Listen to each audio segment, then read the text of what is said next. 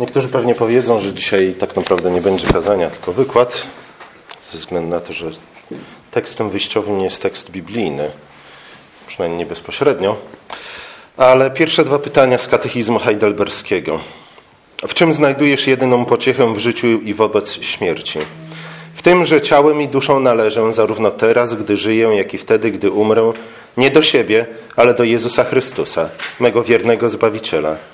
To On swą krwią, drogą dał całkowite zadośćuczynienie za moje grzechy, wyzwolił mnie z mocy diabła, to On strzeże mnie tak dobrze, że nawet włos z głowy mi nie spadnie, bez woli Ojca Niebiańskiego. Co więcej, wszystko musi służyć mojemu dobru. Dlatego przez Ducha Świętego daje mi On pewność życia wiecznego i pozwala, abym od tej chwili z całego serca pragnął żyć dla Niego. Pytanie drugie. Z czego powinieneś zdawać sobie sprawę, aby żyć i umierać w taki sposób pocieszony? Z trzech prawd. Po pierwsze, z ogromu własnego grzechu i niedoli. Po drugie, ze sposobu, w jaki zostałem z nich wyzwolony. I po trzecie, z wdzięczności, jaką winien jestem Bogu za to wyzwolenie. Andrzej, na początku, pastor Andrzej, na początku dzisiejszego kazania mówił e, coś na temat tego, iż dzisiejszy dzień jest dobrą okazją do tego, aby zastanowić się, e, cóż moglibyśmy uczynić, aby może po raz kolejny spróbować zreformować stan Kościoła. Oczywiście reformacja wybuchła ze względu na to, iż pewni ludzie byli niezadowoleni. Nie? Niezadowoleni z tego, w jakim stanie znajdował się, się Kościół. I jako Kościół reformowany, teoretycznie przynajmniej powinniśmy stale nad tym się zastanawiać, przynajmniej raz w roku. Nie? Dlatego, że Kościół reformowany jest Kościołem stale co robiącym? Reformującym się. Eklezja reformata, semper reformanda. Oczywiście niektóre kościoły tak się bardzo zreformowały, że nie, nie bardzo przypominają już prawdziwe kościoły chrześcijańskie. Nie o taką reformację chodzi, nie o taki rozwój i postęp chodzi. Nie, to jest coś, czego raczej nauczyli nas. Kto nas nauczył tego? E, Hegel, Nietzsche, Marx. Nie, oczywiście my na co dzień nie myślimy o tych ludziach i nie odwołujemy się do ich, do ich nauczania, ale tak naprawdę to oni nauczyli nas tego, że y, jedyny sposób, jak to się mówi ładnie, autentycznego życia, czyli życia, które pozwala na odnaleźć w sobie, w naszym życiu jakikolwiek sens i znaczenie, to jest oczywiście twórczość. Nie? Musimy być stale twórczy. Innymi słowy, musimy ciągle coś zmieniać, sami się zmieniać, zmieniać nasze otoczenie, bo to jest jedyny sposób, dzięki któremu możemy w ogóle poczuć, że żyjemy. W pewnym sensie, y, nie chciałem o tym mówić, ale tak mi przyszło to na myśl, ale myślę, że to dobrze łączy się z całym kazaniem ze względu na to, i zobaczcie, nie? To, to prowadzi nas z powrotem do tego pierwszego i drugiego pytania. Oczywiście wszelkie uproszczenia są, mogą być złe, yy, yy, wiążą się z pewnymi niebezpieczeństwami. Nie? I niestety dzisiaj też yy, Często bywa tak, iż, iż y, problemy, z jakimi się spotkamy, jest to, iż zbytnio wszystko upraszczamy. Nie? Uprościliśmy przesłanie Ewangelii do czego? Do czterech czego? Dzisiaj będą kąśliwy i zgryźliwy, tak jak Luter był. Nie? Do czterech praw duchowego życia. Nie, nie musimy już czytać Pisma Świętego, wystarczy, że przeczytamy y, jedną krótką broszurkę i wszystko wiemy, i wszystko staje się proste.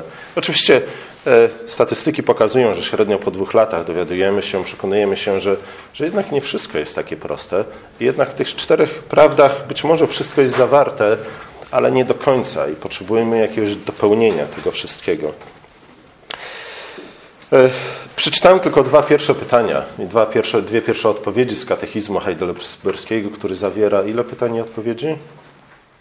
Sporo ze 150 kilka, jeśli dobrze pamiętam. E, I oczywiście katechizm jest pomyślany tylko i wyłącznie jako pewien skrót, skrócony wykład Pisma Świętego. E, tego, co tak naprawdę jako dzieci powinniśmy się nauczyć. E, spotkałem pewnego dziwaka w Ameryce, nie w Ameryce jest dużo dziwaków, który który nie pozwolił e, chłopakowi spotykać się e, z jego córką, póki nie przyszedł do niego domu i nie wyrecytował całego katechizmu heidelberskiego, tudzież przynajmniej krótkiego katechizmu westminsterskiego. Nas to śmieszy, ale jeśli nas to śmieszy, to znów, nie? Może mam dlatego, że mam problem z naszą pamięcią, a może dlatego, że, że wydaje nam się, iż tego typu rzeczy są nam do niczego niepotrzebne, nie? A potem jak ktoś przychodzi i pyta się nas, y, w co wierzysz, nie? nie jesteśmy w stanie tak naprawdę wyjaśnić w jakiś składny sposób, w co wierzymy, a już mamy na pewno większe problemy z wyjaśnieniem, dlaczego w to wierzymy.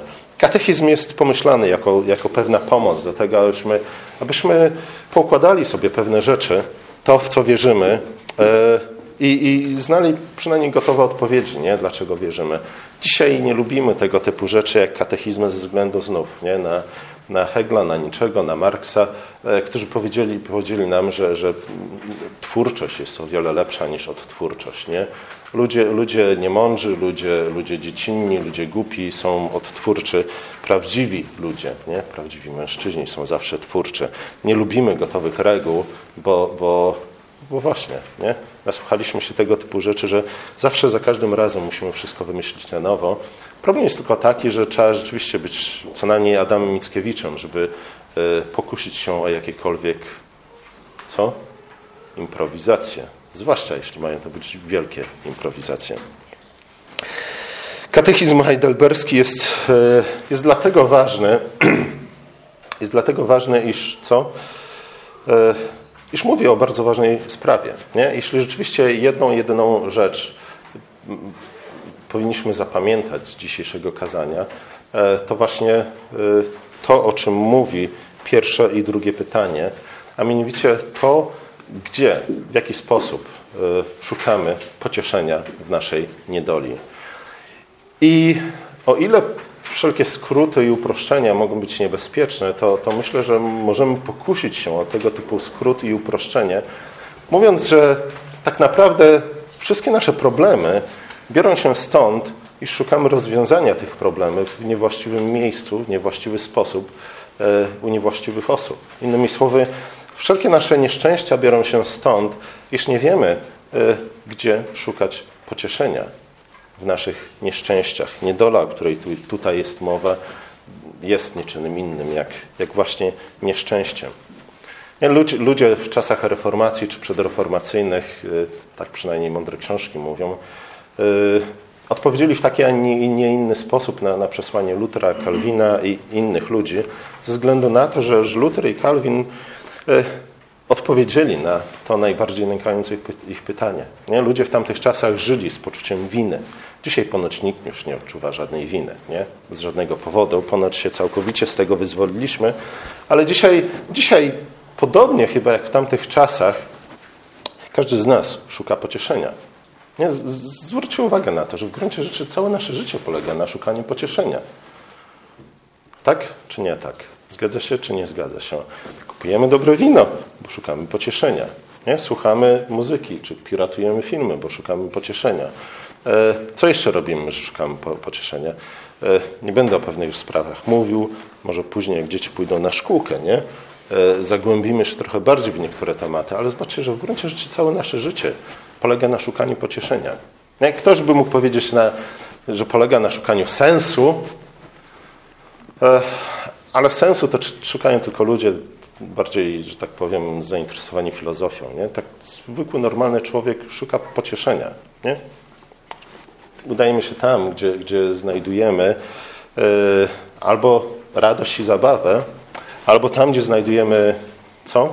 Zapomnienie, albo tam, gdzie znajdujemy y, słowa, które pozwolą lepiej nam w głowach poukładać sobie to, co nas spotyka.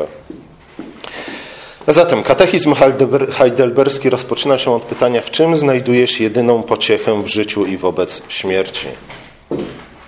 Nie? I, i już, już samo to pierwsze zdanie katechizmu heidelberskiego e, pokazuje, jak, jak wielka część współczesnego chrześcijaństwa e, jest niewiele warta, ze względu na to, że jak bardzo mija się z nauczaniem Pisma Świętego.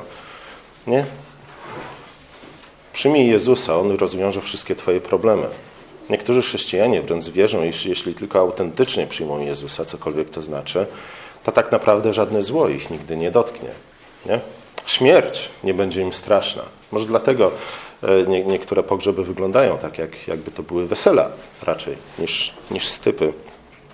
Reszta katechizmu udziela odpowiedzi na to pytanie. W czym znajdujemy jedyną pociechę w życiu i wobec śmierci? I, i dzieli to, tę odpowiedź na, na trzy części i tak naprawdę te trzy części stanowią strukturę całego katechizmu heidelberskiego. Nie? Każda z nich, pierwsza, druga, trzecia część odpowiada na, na te trzy części, czy też rozwija te trzy części odpowiedzi. W pierwszej czytamy o ludzkiej niedoli. Nie? Na czym polega ludzkie nieszczęście? W pewnym sensie nikogo nie trzeba przekonywać o tym, że, że, że jest nieszczęśliwe. Nie? E, raczej katechizm pokazuje nam, gdzie znajduje się źródło naszego nieszczęścia, źródło naszej niedoli, ze względu na to, iż musimy o tym to, to wiedzieć, to poznać, po to, aby szukać także pociechy we właściwym miejscu. Druga część mówi o, o, ratunku z naszej niedoli, o innymi słowy o zbawieniu, jakie dało nam Jezus Chrystus, na czym ono polega i ku czemu zbierza. I w trzeciej w końcu mowa jest o, o jedynej właściwej odpowiedzi na ratunek, czy też na pocieszenie, jakie niesie nam Chrystus. A tą, tą jedyną właściwą odpowiedzią na pocieszenie, jakie niesie nam Chrystus jest co? Wdzięczność. Nie? Wdzięczność, która oczywiście zawsze łączy się z wielbieniem Boga, e, niemniej jednak wdzięczność. Przede wszystkim wdzięczność jest jedyną właściwą odpowiedzią na ratunek, jaki udziela nam Chrystus. Po pierwsze więc ludzka niedola. Każdy z nas, przynajmniej od czasu do czasu, jeśli, jeśli ktoś stale, jeśli ktoś stale e, odczuwa, e, czuje się nieszczęśliwy, to rzeczywiście Dobra, nie rozwijajmy tego. Każdy z nas przynajmniej od czasu do czasu odczuwa e, niedolę. Każdy, każdy z nas od czasu do czasu czuje się nieszczęśliwy. Nie? Pamiętacie, kiedy pierwszy raz poczuliście się nieszczęśliwi w swoim życiu? No to nie było oczywiście pierwszy raz, kiedy się poczuliście nieszczęśliwi, ale prawdopodobnie pierwszy raz poczuliście się nieszczęśliwi w swoim życiu, kiedy mama wysłała was do przedszkola, a tam kazali wam zjeść kaszę manną. Nie? E, może przy innej okazji pierwszy raz poczuliście się nieszczęśliwi, ale zwróćmy uwagę na to, nie? Czujemy się nieszczęśliwi, czujemy, odczuwamy niedolę wtedy, gdy, coś staje na naszej drodze. E, czego nie chcielibyśmy spotkać w naszym życiu, nie? Albo też, gdy czegoś brakuje w naszym życiu, co odczuwamy, co, co chcielibyśmy mieć blisko przy sobie. Tak naprawdę dzieci pierwszy raz odczuwają się, czują się nieszczęśliwe, oczywiście nie pamiętają tego. Jest co? Gdy przychodzą na ten świat, nie? Dla dziecka jest to nieszczęście. Przynajmniej tak dziecko to odczuwa, to nieszczęście, dlatego że e, opuszcza środowisko, które, do którego się przyzwyczaiło, które było mu e, przyjazne. Zgadza się? Nie? Którym czuło się dobrze, nie odczuwało żadnego braku. E, później, gdy jest głodne, później, gdy pielucha jest niezmieniona na czas, później, gdy mama znika z jego otoczenia, non-stop czuwamy jakiś brak, albo z drugiej strony otrzymywamy obecność w naszym życiu, e, co wydaje nam się nie powinno e, być obecne w naszym życiu. Czujemy, że życie nasze jest nie takie, jakie powinno być. Kto z Was uważa, że zasługuje na to wszystko, co spotyka go w jego życiu? Niech podniesie rękę. Nie? Kto z Was uważa, że, że tak naprawdę posiada już wszystko, co chciałby mieć? Innymi słowy, że już do niczego więcej nie, nie dąży. Co, kto z Was uważa, że jest w pełni usatysfakcjonowany tym, co ma? Nie. Las las rąk powinien to zobaczyć, nie? Bo, bo e, po części chrześcijanie tak, tak nauczają, nie? że powinniśmy być z wszystkiego zadowoleni, co w pewnym sensie jest racją. Nigdy nie powinniśmy narzekać, co tak nie do końca jest racją. Nie? Powinniśmy narzekać przynajmniej sami, sami na siebie. E, a czasami także powinniśmy narzekać na ludzi, którzy siedzą obok nas. Nie? Czasami powinniśmy narzekać na ludzi, którzy, którzy są dalej od nas. Nie? Ze względu na to, że oczywiście ważne jest to, przy jakiej okazji to robimy, w jaki sposób to robimy, w jakim celu to robimy, nie? ale nie żyjemy jeszcze w doskonałym świecie i nam samym dużo brakuje do doskonałości. Wiele spraw nie układa się po naszej myśli.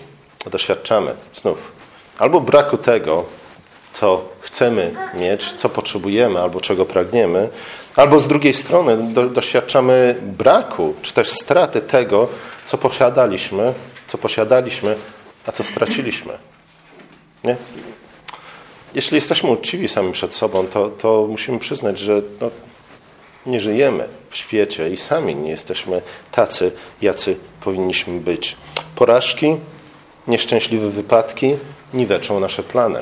Czy to z naszej winy, czy oczywiście o wiele częściej z winy innych złych ludzi, których spotkamy na naszej drodze. Zło jest obecne w naszym życiu, zło, które pozbawia nas dobra, albo zło, które jest zepsutym dobrem. I tak też e, w chwili jakiegoś kryzysu egzystencjalnego zastanawiamy się, co jest przyczyną naszej niedoli. Nie? Bardzo często, gdy znajdziemy się w takiej sytuacji, zastanawiamy się, jak do tego mogło dojść, nie? jak to się stało. Zwróćcie uwagę na to, jeśli sami nigdy tego nie doświadczyliście, jak bardzo często ludzie, których dotknie jakieś nieszczęście, zadają pytanie, dlaczego? Nie? Dlaczego to się stało? Dlaczego tak, a nie inaczej? Cóż się stało? Cóż mogliśmy zrobić inaczej, żeby stało się inaczej? A jeszcze lepiej, cóż inni ludzie mogli zrobić inaczej, żeby nam się życie lepiej poukładało? E, może, może nieszczęście dotyka nas ze względu na brak e, wystarczających środków. Nie? Środków, którymi nie dysponujemy, a których, jeśli byśmy tylko dysponowali, całe nasze życie wyglądałoby inaczej. Nie? Gdybyśmy mieli trochę więcej pieniędzy, wszystko by się inaczej pokładało, poukładało. Mógłbym więcej czasu spędzać w domu z dziećmi, mógłbym częściej żonę zabierać do restauracji, jak każe nam amerykańskie podręczniki. Nie? Mógłbym tak wiele rzeczy dobrych zrobić, gdybym, gdybym miał tylko trochę więcej pieniędzy. Nie? Trochę więcej pieniędzy i całe moje, życie, moje małżeństwo, moja kariera, moje, moja rodzina, wszystko wyglądałoby inaczej. W końcu mógłbym sobie polecieć balonem nad Poznaniem nie? i wtedy już byłbym niemalże w niebie. E, a może, a może chodzi o brak wiedzy. Nie? To, to może nie jest zbyt popularne. Nie? Rzadko kto się przyznaje, że, że brakuje mu wiedzy. Zwykle jak ludzie idą na studia, to mówią, a ja i tak już wszystko wiem, no ale ten papier jest mi potrzebny. Nie? E, ale niektórzy ludzie bardziej uczciwie mówią, no tak, nie, rzeczywiście, gdybym się czegoś jeszcze nauczył i kupują podręcznik za podręcznikiem, za podręcznikiem, w nadziei, że znajdą tam w końcu nie, odpowiedzi na nurtujące ich pytania, które może pozwolą im co najmniej lepiej zrozumieć, a może nawet lepiej poukładać sobie, sobie życie. Ale najłatwiejsza, najprostsza i pewnie najprzyjemniejsza odpowiedź na to pytanie, skąd biorą się te, te nieszczęścia i ta niedola w moim życiu, to jest oczywiście to, że no cóż, nie, może nie jestem najmądrzejszy, może nie jestem najlepszym człowiekiem, no ale te wszystkie barany wokół mnie, nie? Jak, jak można sobie pokładać życie, żyjąc wśród ludzi, nie? Takich, jakimi są moi bliźni, mając takich, a nie innych sąsiadów. Nie? Niektórzy nawet dochodzą do, do wniosku, iż, iż pewnie wymiana żony albo, albo męża też zdecydowanie poprawiłoby ich poziom życia. Jest najprostsza odpowiedź. I, i uwagę na to, że, że nie jesteśmy tutaj odkrywczy, nie jesteśmy tak twórczy, jakby nam się wydawało, ze względu na to, że coś się wydarzyło po upadku Adama i Ewy. Jak, jakich odpowiedzi Adam i Ewa udzielili na pytanie Pana Boga Adamie, gdzie jesteś? Co się wydarzyło? Co się stało, że zaczęliście się ukrywać przede mną? Nie, od, od razu, od razu zaczęło się pokazywanie palcem i obwinianie drugiej osoby, no i oczywiście Pana Boga, za nieszczęście, które się wydarzyło. Według Pisma Świętego źródłem wszelkich nieszczęść i całej niedoli ludzkiej jest upadek Adama. Nie? I w pewnym sensie to jest to, co mamy na myśli, kiedy mówimy o grzechu pierworodnym. Nie, oczywiście o grzechu pierworodnym można mówić w o wiele węższy sposób, ale myślę, że, że generalnie powinniśmy myśleć o, o grzechu pierworodnym jako o wszystkich skutkach upadku Adama. Zawinionych oczywiście, ale także niezawinionych przez nas samych, dlatego że Zobaczmy, Pismo Święte mówi o ludziach cierpiących niedole, cierpiących nieszczęście, nie z własnej winy. E, oczywiście każde nieszczęście ludzkie, każda ludzka niedola w ten czy w inny sposób wynika z jakiegoś grzechu. Nie? A jednak nie każda ludzka niedola jest jest zawiniona bezpośrednio przez tego, który jej, ją doświadcza. Za każdą, z każdą, za każdą niedolą ludzką kryje się grzech, ale nie każda niedola wskazuje na, na grzech tego, który jej doświadcza. I najlepszym przykładem tego jest Hiob. Za niedolą Hioba zdecydowanie kryło się zło i grzech i bunt przeciwko Bogu, ale Hiob w niczym nie zgrzeszył, kiedy doświadczył tej niedoli. E, również o takim rodzaju niedoli mówi katechizm heidelberski. Również z takiej niedoli ratuje nas Chrystus, kiedy, kiedy naprawia krzywdy i leczy nasze rany. Nie, nie, nie. Myślę, że jest to jeden z głównych problemów, nazwijmy to konserwatywnych protestantów, nie? Kiedy, kiedy zawężają problem ludzkiej niedoli tylko i wyłącznie do problemu grzechu i wszystko sprowadzają do grzechu. Tak, wszystko możemy sprowadzić do grzechu, nie? ale nie bądźmy jak przyjaciele Hioba, nie? którzy tak naprawdę jedynego, jedyne pocieszenie, jakie mogli przynieść Hiobowi, to wskazanie na niego palcem i, i rzucenie na niego fałszywego oskarżenia. Nie? Czy to mu w jakikolwiek sposób pomogło? Absolutnie. Absolutnie nie. E, a zatem wszystko, co wynika z upadku Adama, cała nasza niedola wynika z upadku Adama. Adama, który w swoim dziecięcym zniecierpliwieniu wypowiedział Bogu posłuszeństwo, sądząc, że sam pokieruje lepiej swoim życiem i losem całego świata. Skutkiem tego było pojawienie się zła na świecie zła na świecie, który w przeciągu dziewięciu pokoleń, jeśli dobrze pamiętam, uległ takiemu zepsuciu, iż Bóg postanowił zniszczyć go w wodach, w wodach potopu. Nie? Buntujemy się przeciwko Bogu. E, zwykle czynimy to ze względu na, na e, zniecierpliwienie, podobne do, do Adama. Bóg, Bóg stworzył człowieka e, po to, aby rządził całym światem. Bóg dał człowiekowi cały świat, by nad nim panował, by cieszył się nim, by radował się nim, by mógł być prawdziwie twórczy, naśladując swojego Stwórcę. Adam miał być królem, nie? ale wpierw musiał skończyć szkołę, musiał skończyć, zanim został mistrzem, musiał być czeladnikiem. Adam jednak nie chciał tego wszystkiego. Bóg uczynił człowieka tylko na, na krótko niższym od aniołów, nie? po to, aby człowiek dorósł do, do roli, którą którą widzimy w Chrystusie, nie? Po to, aby wynieść go ponad aniołów. E, człowiek jest najbardziej godnym chwały, chwalebnym, najcudowniejszym stworzeniem, stworzeniem Bo Bożym. Nie? Gdy, gdy patrzymy na Chrystusa, prawdziwego człowieka, nie? wtedy widzimy, wtedy patrząc na tego człowieka, powinniśmy oddawać Bogu cześć ze względu na tak cudowne stworzenie. E, tym wszystkim czy też takimi możemy się stać w Chrystusie. Nie? Takim miał się stać pierwszy Adam. Adam jednak zniecierpliwił się i chciał być królem przed czasem. E, I znów warto pamiętać o tym, że tak jak nie każde nieszczęście jest spowodowane moim osobistym grzechem, moje nieszczęście, chociaż często nie? Nasze niedole spotykają nas ze względu na błędy i grzechy, które popełniamy. Tak myślę, że też warto pamiętać, mówiąc o grzechu, to iż Pismo Święte, wbrew znów popular, popularnej teologii, rozróżnia między grzechami. Nie każdy grzech jest taki sam. Nie? Są różne grzechy. E, grzechy rodzą różne skutki.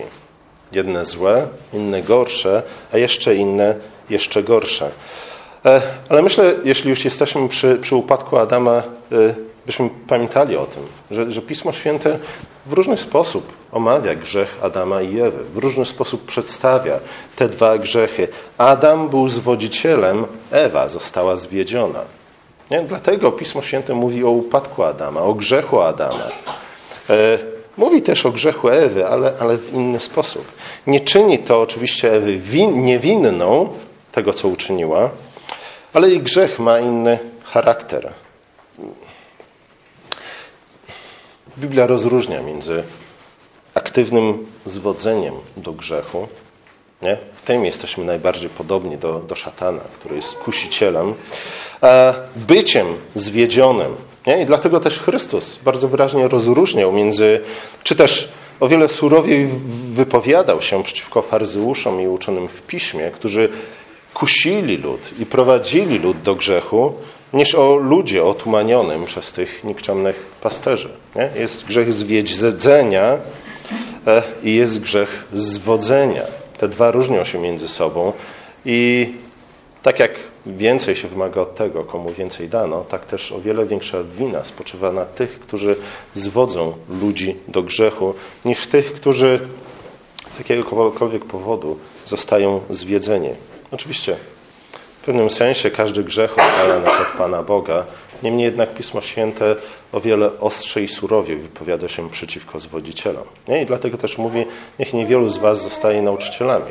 Nie? Bo jeśli jesteście nauczycielami, o wiele łatwiej przyjdzie Wam zostać zwodzicielem.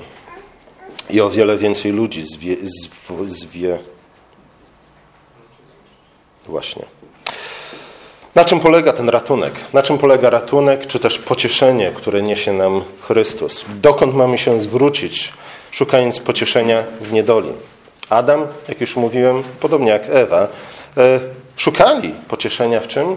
W obwinianiu innych ludzi, w obwinianiu Pana Boga, w obwinianiu Adam obwinił Ewę, Ewa obwiniła Adama, wszyscy razem obwinili węża, nie? Wszyscy są winni, tylko nie ja.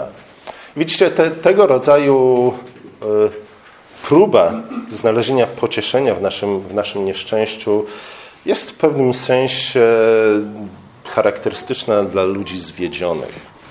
Nie? Nie, że tylko oni posługują się tą, tą metodą, ale jest to w szczególny sposób charakterystyczne dla nich. Nie? Zaufałem tej czy tamtej osobie. Nie? I dlatego skończyłem tu, w takiej sytuacji. E, to nie do końca jest wina nie? moja, że, że jestem tu i teraz, w takiej, a niewinnej sytuacji. Kain szuka pocieszenia w inny sposób. E, Kain szuka pocieszenia w śmierci swojego brata. W tym sensie, że zabił swojego brata, po to, aby obecność jego brata nie, było, nie była dla niego oskarżeniem. Obecność Abla przy Kainie sprawiała, że sumienie Kaina było, było pobudzane, e, odzywało się w Kainie i Kain cierpił, nie, cierpiał niedolę. Kain doświadczał w ten sposób niedolę. Słusznie doświadczał nie?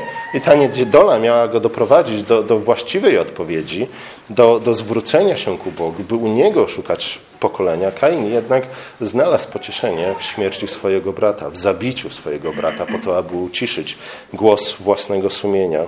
Lamek, czy też Lamech, siódmy po Kainie, gdzie szuka pocieszenia w swojej niedoli. We władzy, a zwłaszcza w siedmiokrotnej pomście. Nie? Jeśli, jeśli tylko osiągniemy pozycję, która pozwoli nam być w pewnym sensie jak Pan Bóg, nie? kierować życiem innych ludzi, być może to nie sprawi, że, że staniemy się radośnie i nigdy nie będziemy smutnie, ale na pewno będzie to dla nas jakimś pocieszeniem. Nie? Tym, kto interesuje się co nieco historią, widzi, że, że większość ludzi, którzy mieli wielkie plany związane z tym, by przemienić, zagospodarować na nowo świat, uczynić go w ich mniemaniu lepszym miejscem, cokolwiek to znaczy, nie? byli w gruncie rzeczy psychopatami, którzy, którzy w ten, a nie w inny sposób szukali pocieszenia w swojej niedoli. Zwykle byli to ludzie, którzy doświadczyli wielkiego nieszczęścia w swoim życiu wcześniej. Nie? I dlatego stali się psychopatycznymi despotami i tyranami. Nimrod szukał pocieszenia w czym? Zbudował wieżę Babel. W jaki sposób moglibyśmy nazwać wieżą Babel? Nie? Był to nowy, nowy projekt cywilizacyjny. Tak moglibyśmy go określić. Chodziło nie tylko i wyłącznie o nową inżynierię, nową technikę budowy, ale chodziło o nowy projekt cywilizacyjny. I znów w pewnym sensie widzimy tu, tu podążanie śladami Adama, który chciał na swój sposób e, zagospodarować ten świat i swoje życie. Odczuwał pewne niezaspokojone pragnienie. Pragnienie, które w pewnym sensie było wzbudzone przez obietnicę, jaką dał mu Bóg, kiedy Bóg powiedział: Słuchaj, Adamie, to wszystko kiedyś będzie Twoje. Nie? Będziesz królem. Będziesz panował nad tym wszystkim. Będziesz przemieniał świat z chwały w chwałę, tak jak ja to uczyniłem w ciągu sześciu dni stworzenia. Nie? To słowo obudziło w Adamie nadzieję. A nadzieja obudziła oczekiwanie, na którego spełnienie we właściwym czasie Adam nie chciał, nie chciał czekać. Nie? E, podobnie było, było z Nimrodem. Nie? Nimrod też nie chciał czekać na to, aż Pan Bóg da ludziom pocieszenie, właściwe pocieszenie we właściwym czasie. Chciał uchwycić je wcześniej i dlatego zaczął realizować ten projekt, nowy projekt cywilizacyjny.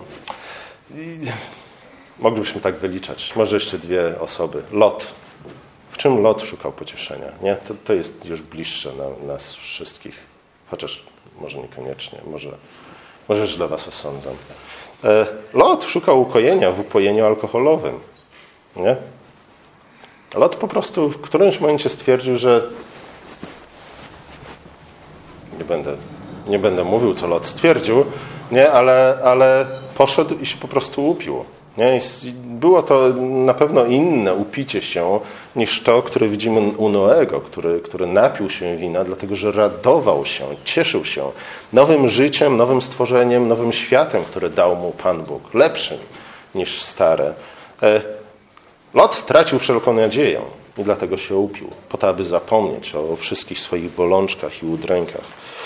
E, o córkach Lota nie będę mówił, ale sobie doczytacie o nich w Piśmie Świętym, nie? gdzie one z kolei szukały pocieszenia ze względu na to, co stało się z ich ojcem i w związku z tym z ich przyszłością.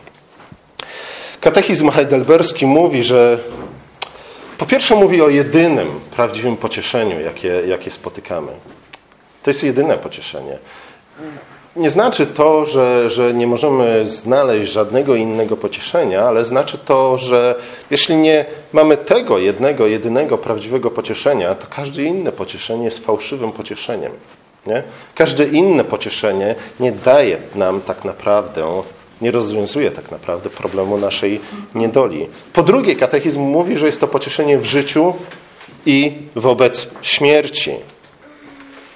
Jest to jedyna pociecha, która pozwala stawić czoła życiu i śmierci wraz z wszystkimi wyzwaniami, e, zagrożeniami, zwątpieniami, jakie niesie z sobą życie, a zwłaszcza śmierć.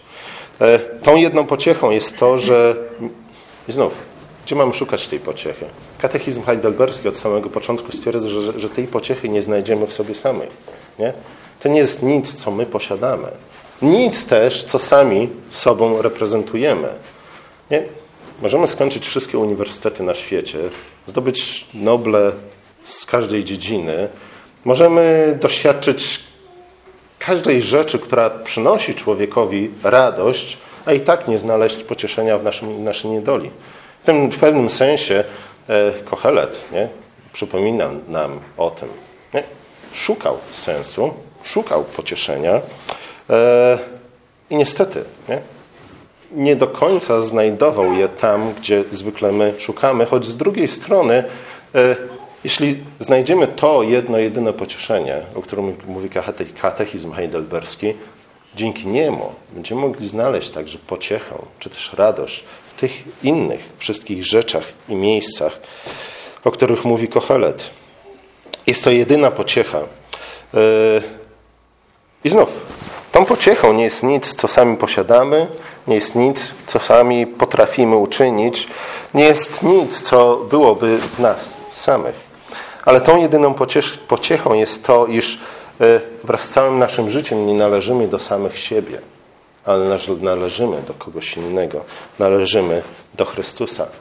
I nie powinno to nas dziwić, ze względu na to, że, zobaczcie, z jednej strony Chrystus ukrzyżowany i zmartwychwstały, Chrystus, który wstąpił do nieba, jest pewnym znakiem, rękojmią, gwarancją mocy, miłości i wierności Boga.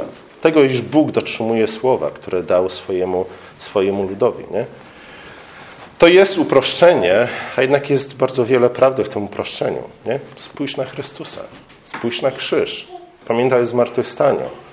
Przypomnij sobie, co tak naprawdę się wydarzyło na tym wzgórzu i dlaczego Chrystus uczynił to, a nie co innego. Z drugiej strony, jeśli jesteśmy trochę uczciwi, to pamiętamy, że, że sami z siebie jesteśmy w stanie sprowadzić na ziemię tylko i wyłącznie niedolę i cierpienie. Pierwsze sześć rozdziałów Pisma Świętego wyraźnie nam to przypominają i może głównie z tego względu są tam umieszczone. Pamiętajmy jednak, pamiętajmy jednak, że pocieszenie w Chrystusie polega nie na tym, iż w mgnieniu oka usuwa On wszelkie dolegliwości, zaspokaja wszelkie braki, łagodzi wszelki, wszelki ból. To, że ciałem i duszą należę do Chrystusa, nie do siebie, ale do Chrystusa, nie oznacza, że nic złego nie spotka mnie w życiu. Nie? Dlaczego Hiob został zaatakowany przez złego? Dlatego, że ciałem i duszą należał do Chrystusa. Nie? Tego powinniśmy oczekiwać, jeśli należymy ciałem i duszą do, do Chrystusa, że zły będzie nas atakował. To też nie oznacza, że śmierć nas nie dotknie. Nie? I katechizm jest bardzo wprost i wyraźnie mówi o tej kwestii. Słuchajcie, nie tylko w życiu, ale także w śmierci należymy do Chrystusa. Innymi słowy, każdy, kto należy do Chrystusa, prędzej czy później umrze. Śmierć dotknie nas wszystkich. Ale znów, nie będzie to zła śmierć, ale będzie to dobra śmierć. To pocieszenie polega raczej na tym, że, że stawia ona przed naszymi oczami wizję radości i chwały, które przewyższają wszelkie obecne trudy, cierpienia, hańbę, cokolwiek, nie? co spotyka nas ze względu na Chrystusa. Jest to radość i chwała, dla których warto znieść wszelkie obecne trudy, cierpienia i hańbę. Nie? Tym jest dla nas Chrystus. To pocieszenie z sobą niesie. E, pocieszenie, które nie polega na tym, iż nic złego nas nie spotka, wszystko będzie szło w naszym życiu jak po maśle, e, ale raczej pocieszenie, które polega na tym, iż to Chrystus nie tylko nadaje sens i, i, znaczenie naszemu być, życiu i umieraniu, w sensie, w sensie że, że to jakoś poukłada się w jedną sensowną całość, e, ale daje sens i znaczenie naszemu życiu i umieraniu w tym sensie, że one, jedno i drugie, i życie i umieranie, mogą wydać dobre owoce tym i w przyszłym życiu. Co więcej, oznacza to, że coś dobrego wyniknie e, z każdego zła, które nas dotknęło. Nie? To oznacza też, i kto wie, czy to nie jest największym źródłem pocieszenia, nie? i czy to nie powinno najbardziej uspokoić nasze sumienia, po to, abyśmy mogli żyć, umierać dla, Chrystusa. A mianowicie, że coś dobrego wyniknie również z każdego zła, które my sami uczynimy w tym życiu. Pomódlmy się. Nasz drogi łaskawy Ojcze, dziękujemy Ci za e, autorów katechizmu heidelberskiego, za to, co przypominają nam w tak krótkich słowach, ale, ale w jak ważnych słowach, iż e, Ty, Panie Chryste, jesteś naszym jedynym pocieszeniem w życiu i w umieraniu. Prosimy Cię, pomóż nam pamiętać o tym, pomóż nam, nam pamiętać o niedoli, w jakiej znajdowaliśmy się bez Ciebie, pomóż nam pamiętać o ratunku, jaki nam dałeś i pomóż nam przede wszystkim być wdzięczni za to pocieszenie, które od Ciebie otrzymaliśmy. Amen.